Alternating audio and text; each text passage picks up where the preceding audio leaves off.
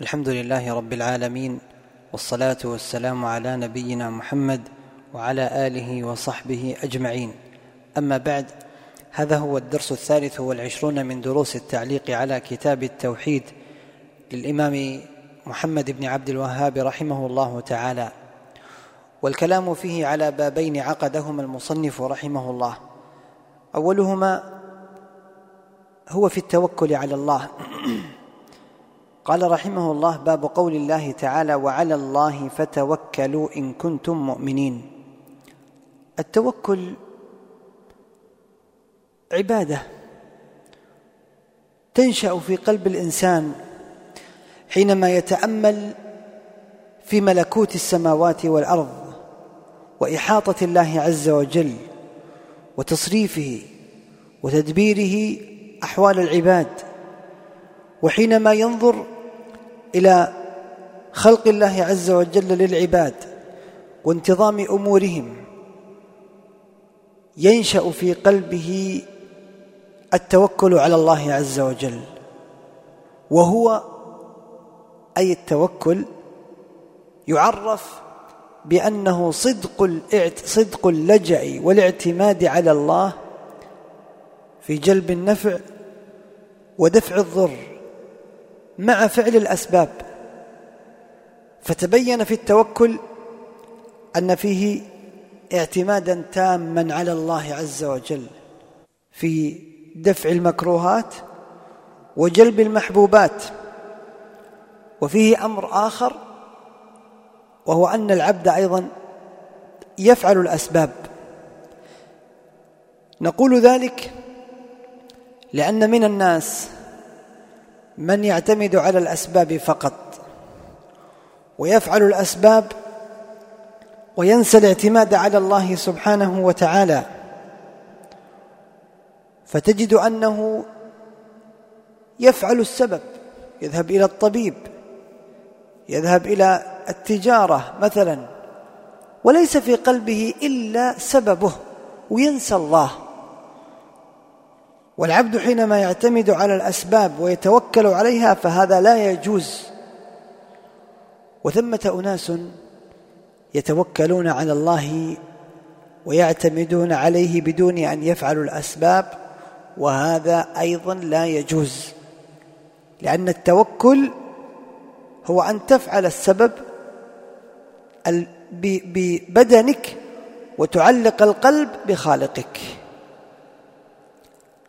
ولذلك فإن عمر رضي الله عنه حينما رأى أناسا جلسوا وينتظرون من يطعمهم قالوا نحن نحن متوكلون. قال بل أنتم متأكلون. المتوكل هو الذي يفعل السبب ويعتمد على الله سبحانه وتعالى. واعلم أن التوكل على الله عز وجل عبادة من العبادات العظيمة التي ينبغي أن يمتلئ قلب العبد بها وأن يستشعرها دائما. وذلك لأنه يعلم أنه لا نفع ولا ضر ولا إعطاء ولا منع بل ولا حول ولا قوة لأحد إلا بالله سبحانه وتعالى. فكان لزاما عليه أن يعلق القلب بالقادر سبحانه وتعالى. والأدلة على وجوب التوكل على الله وعلى فضيلته وعلى كونه شرطا في في في الإيمان نصوص ذكرها المصنف رحمه الله. أولها قول الله عز وجل وعلى الله فتوكلوا إن كنتم مؤمنين. إن كنت مؤمنا فيشترط في حقك أن تتوكل على الله فإن هذه شرطية. فلا بد للمؤمن أن يتوكل على الله. إنما المؤمنون الذين إذا ذكر الله وجلت قلوبهم وإذا تليت عليهم آياته زادتهم إيمانا وعلى ربهم يتوكلون. وهذه الآية الثانية. وذكر فيها الله عز وجل أعظم صفات المؤمنين التي يدور عليها غيرها وهي هذه الخمس. إنما المؤمنون الذين إذا ذكر الله وجلت قلوبهم إلى أن قال وعلى ربهم يتوكلون. والثالثة قول الله عز وجل يا أيها النبي حسبك الله ومن اتبعك من المؤمنين. يعني أن الله وحده كافيك وكافي أتباعك فلن تحتاجوا معه إلى أحد. وإذا كان الله هو الكافي لعباده فيجب حينها أن يتوكل العبد على ربه لأنه يتوكل على الكافي. وقال أيضا ومن يتوكل على الله فهو حسبه. فإذا علمت أنك إذا توكلت على الله فهو حسبك أي كافيك. ومن الله كافيه وواقيه والمدافع عنه من أن يضره أي أذى. فقد ربح لأن الله عز وجل بيده كل شيء. وفي الحديث أن ابن عباس رضي الله عنه قال حسبنا الله ونعم الوكيل. قالها إبراهيم عليه السلام حين ألقي في النار وقالها محمد صلى الله عليه وسلم حين قال له الناس إن الناس قد جمعوا لكم فاخشوهم فزادهم إيمانا وقالوا حسبنا الله ونعم, الوكيل. فهنا يتبين من الآية عظم منزلة التوكل على الله وأنه كما أنجى الله عز وجل إبراهيم بالتوكل وكما نجى موسى أمام البحر بالتوكل ومحمد عليه الصلاة والسلام كان لزاما على الإنسان إذا أراد النجاة والسلامة والأمن أن يتوكل بقلبه وبكليته إلى الله سبحانه وتعالى الله سبحانه وتعالى.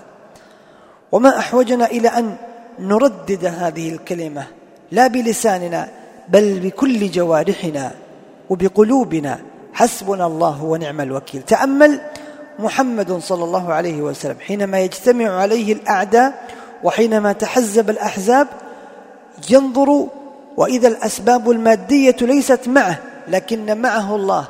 قال حسبنا الله ونعم الوكيل. قالها يوم الأحزاب فتفرقت الأحزاب. موسى عليه السلام يقف أمام البحر البحر من أمامه والعدو فرعون من ورائه بجيش قوامه ستمائة ألف كما قال ابن كثير في التفسير. بالنظرة الظاهرة موسى سيدرك. ولذلك قال قومه يا موسى إنا لمدركون. وهنا يأتي شيء يحتاجه الإنسان دائما وهو الوقود السابق الإيمان الذي يستقر في القلب والذي يثمر التوكل على الله لأن العبد يعرف ربه وحفظه وقوته وقدرته. هنا قال موسى هذه الكلمة قال كلا إن معي ربي سيهدين توكل على ربه. فحصلت المعجزة وصار البحر حينها يبسا يمشي عليه موسى وقومه وأغرق الله بعد ذلك فرعون وقومه. خلاصة الأمر أن تعلم أن التوكل على الله عز وجل شرط للإيمان وأنه يجب على المؤمن أن يعمر قلبه به وأن لا يتعلق بالأسباب وإنما يتعلق بالله سبحانه وتعالى في سائر أموره في أمور تجارته في أمور دنياه في أمور بيعه وشرائه في أمور زواجه في أمور تربيته لأولاده في أمور طلبه للعلم. يتوكل على الله. أنت ضعيف فلولا عون الله عز وجل فنحن لا شيء. لولا أن الله وفقنا هدانا أرشدنا حفظنا دلنا أعاننا وإلا نحن لا شيء. ولذلك هذه هذه العبادة العظيمة. راجع قلبك فيها دائما وتوكل على الله. ومن يتوكل على الله عز وجل فهو حسبه كافيه ناصره حافظه. وإذا علمت هذا فيتجلى أن في التوكل امورا ينبغي على الإنسان أن يحذر منها. أذكرها اجمالا وهي اولا أن يتوكل العبد على غير الله سبحانه وتعالى فيعتقد أن غير الله بيده أن يعينه ويحفظه ويعتمد على غير الله سبحانه وتعالى في في في تصريف أموره ويعتقد أن غير الله سييسر أموره فهذا شرك أكبر لأنه اعتقد أن غير الله متصرف. والأمر الثاني أن يعتقد الإنسان أن التوكل على الله يكون بالقلب من دون فعل فهذا لا يجوز. والأمر الثالث أن يتعلق العبد بالأسباب وينسى المسبب وهو الله سبحانه وتعالى فيتعلق على المخلوق على على مذاكرته على الطبيب في الشفاء على الوالي وعلى الأمير في رزقه فإن هذا أيضا لا يجوز لأنه توكل على المخلوق في أمر يقدر عليه المخلوق لكنه لا يجوز للإنسان أن يعتمد على السبب وقد ذكر العلماء أن الإنسان إذا اعتمد على المخلوق فيما يقدر عليه المخلوق فهذا شرك أصغر لأنه اعتمد على الأسباب. والواجب على العبد أن يتوكل ويعتمد على الله سبحانه وتعالى في سائر أموره وأحواله. أسأل الله أن يوفقنا وإياكم لأن يعيننا على التوكل عليه. الباب الثاني باب قول الله تعالى أفأمنوا مكر الله فلا يأمن مكر الله إلا القوم الخاسرون. وفكرة الباب أن فيه تاكيدا على أصل عظيم أنه ينبغي على العبد أن يحذر من أمرين أولهما أن يأمن من مكر الله وثانيهما أن يقنط من رحمة الله. فيكون العبد تجاه ربه سبحانه وتعالى متعلقا بين رجاء الله وعدم القنوط منه وبين الخوف منه سبحانه وتعالى. وهما أمران. إذا زاد الإنسان فيهما الكيل أخطأ. فلو أن انسانا زاد عنده رجاؤه لله حتى صار يفعل الذنوب الكبائر باعتقاد أنه سيقدم على كريم. هنا خطأ جسيم كما قال الأول وأكثر ما استطعت من الذنوب إذا كان القدوم على كريم. هذا هذا لا شك أنه خطير. وفي المقابل لو أن الإنسان خاف من الله خوفا شديدا أورثه القنوط منه سبحانه وتعالى فهذا أيضا لا يجوز. وعلى العبد أن يكون قلبه دائرا بين الخوف من الله عز وجل وبين رجائه سبحانه وتعالى. فهو لا يقنط من رحمة الله ولا ييأس من روح الله وفي المقابل لا يأمن من مكر الله سبحانه وتعالى. والدليل على ذلك قول الله عز وجل أفأمنوا مكر الله؟ فلا يأمن مكر الله إلا القوم الخاسرون. فذكر أن من صفات المكذبين للرسل أنهم يأمنون من مكر الله. فتجد أنهم يعني إذا رأوا الإحسان من الله سبحانه وتعالى ورأوا الرخاء والإعطاء منه عز وجل أمنوا مكره وظنوا أنهم في مأمن من عقوبته وحينها قال فلا يأمن مكر الله إلا القوم الخاسرون. ثم قال ومن يقنط من رحمة ربه إلا الضالون. فالقنوط من رحمة الله عز وجل لا يجوز لأنه سوء ظن بالله. وهنا ذكر أن من صفات الضالين قنوطهم من رحمة الله عز وجل لأنهم جهلوا بالله. ومن عرف الله لم يقنط من رحمته. من عرف الله ورحمته ومغفرته وأن رحمته سبقت غضبه وأنه تسمى بالرحمن وبالرحيم وبالكريم وبالتواب هنا بعد ذلك كله حينما يقنط من رحمته فإنه ضال ومخطئ في حق ربه سبحانه وتعالى. ثم قال وعن ابن عباس رضي الله عنهما أن النبي صلى الله عليه وسلم سئل عن الكبائر فقال الإشراك بالله واليأس من روح الله والأمن من مكر الله. فذكر في هذا الحديث اليأس من روح الله الذي هو ذهاب الرجاء من القلب. فإذا انقطع رجاء العبد لربه من قلبه فإن هذا من الكبائر ومثله أيضا الأمن من مكر الله عز وجل. خلاصة الأمر أن تعلم أن العبد ينبغي أن يسلم من هذين الأمرين من جهتي أو من جهتين مذمومتين وأن يتوسط. الجهة الأولى أن يستولي الخوف على قلبه حتى يقنط من رحمة الله.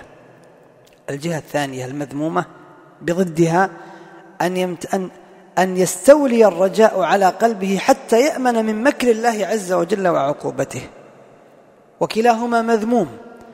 فاستيلاء الخوف على قلب العبد يترتب عليه قنوطه من رحمة الله عز وجل. وحينها هو سيقول ما دام الله عز وجل لن يغفر لي ستجد أنه يسرف على نفسه بالذنوب والمعاصي ويسيء ظنه بالله حيث إنه لم يظن بالله عز وجل الظن الحسن فهو الغفور وهو الرحيم. وفي المقابل أيضا إذا أمن من مكر الله فسيترتب على ذلك أنه سيقع في الذنوب وسيسرف على نفسه. وإذا ناصحه الناس قال يا قوم ربنا كريم ربنا غفور ربنا رحيم. لماذا أنتم تشددون على الناس؟ وهو يقع في الذنوب والمعاصي والكبائر والجرائم صباحا ومساء. ويقول الإيمان ها هنا وربنا كريم وربنا رحيم. والجواب مع أن الله رحيم وغفور وكريم إلا أنه شديد العقاب. فليكن قلبك أيها المؤمن متعلقا بين هذين الأمرين. إذا فالخوف والرجاء عبادتان لله سبحانه وتعالى والأمن من مكر الله والقنوط من رحمة الله ذنبان من الذنوب الكبائر التي ينبغي أن يستم العبد منهما وأن يحسن الظن بربه سبحانه فلا يأمن مكر الله إلا القوم الخاسرون ولا يقنط من رحمة ربه إلا القوم الضالون. أسأل الله أن يوفقنا وإياكم لما يحب ويرضى وصلى الله وسلم على نبينا محمد.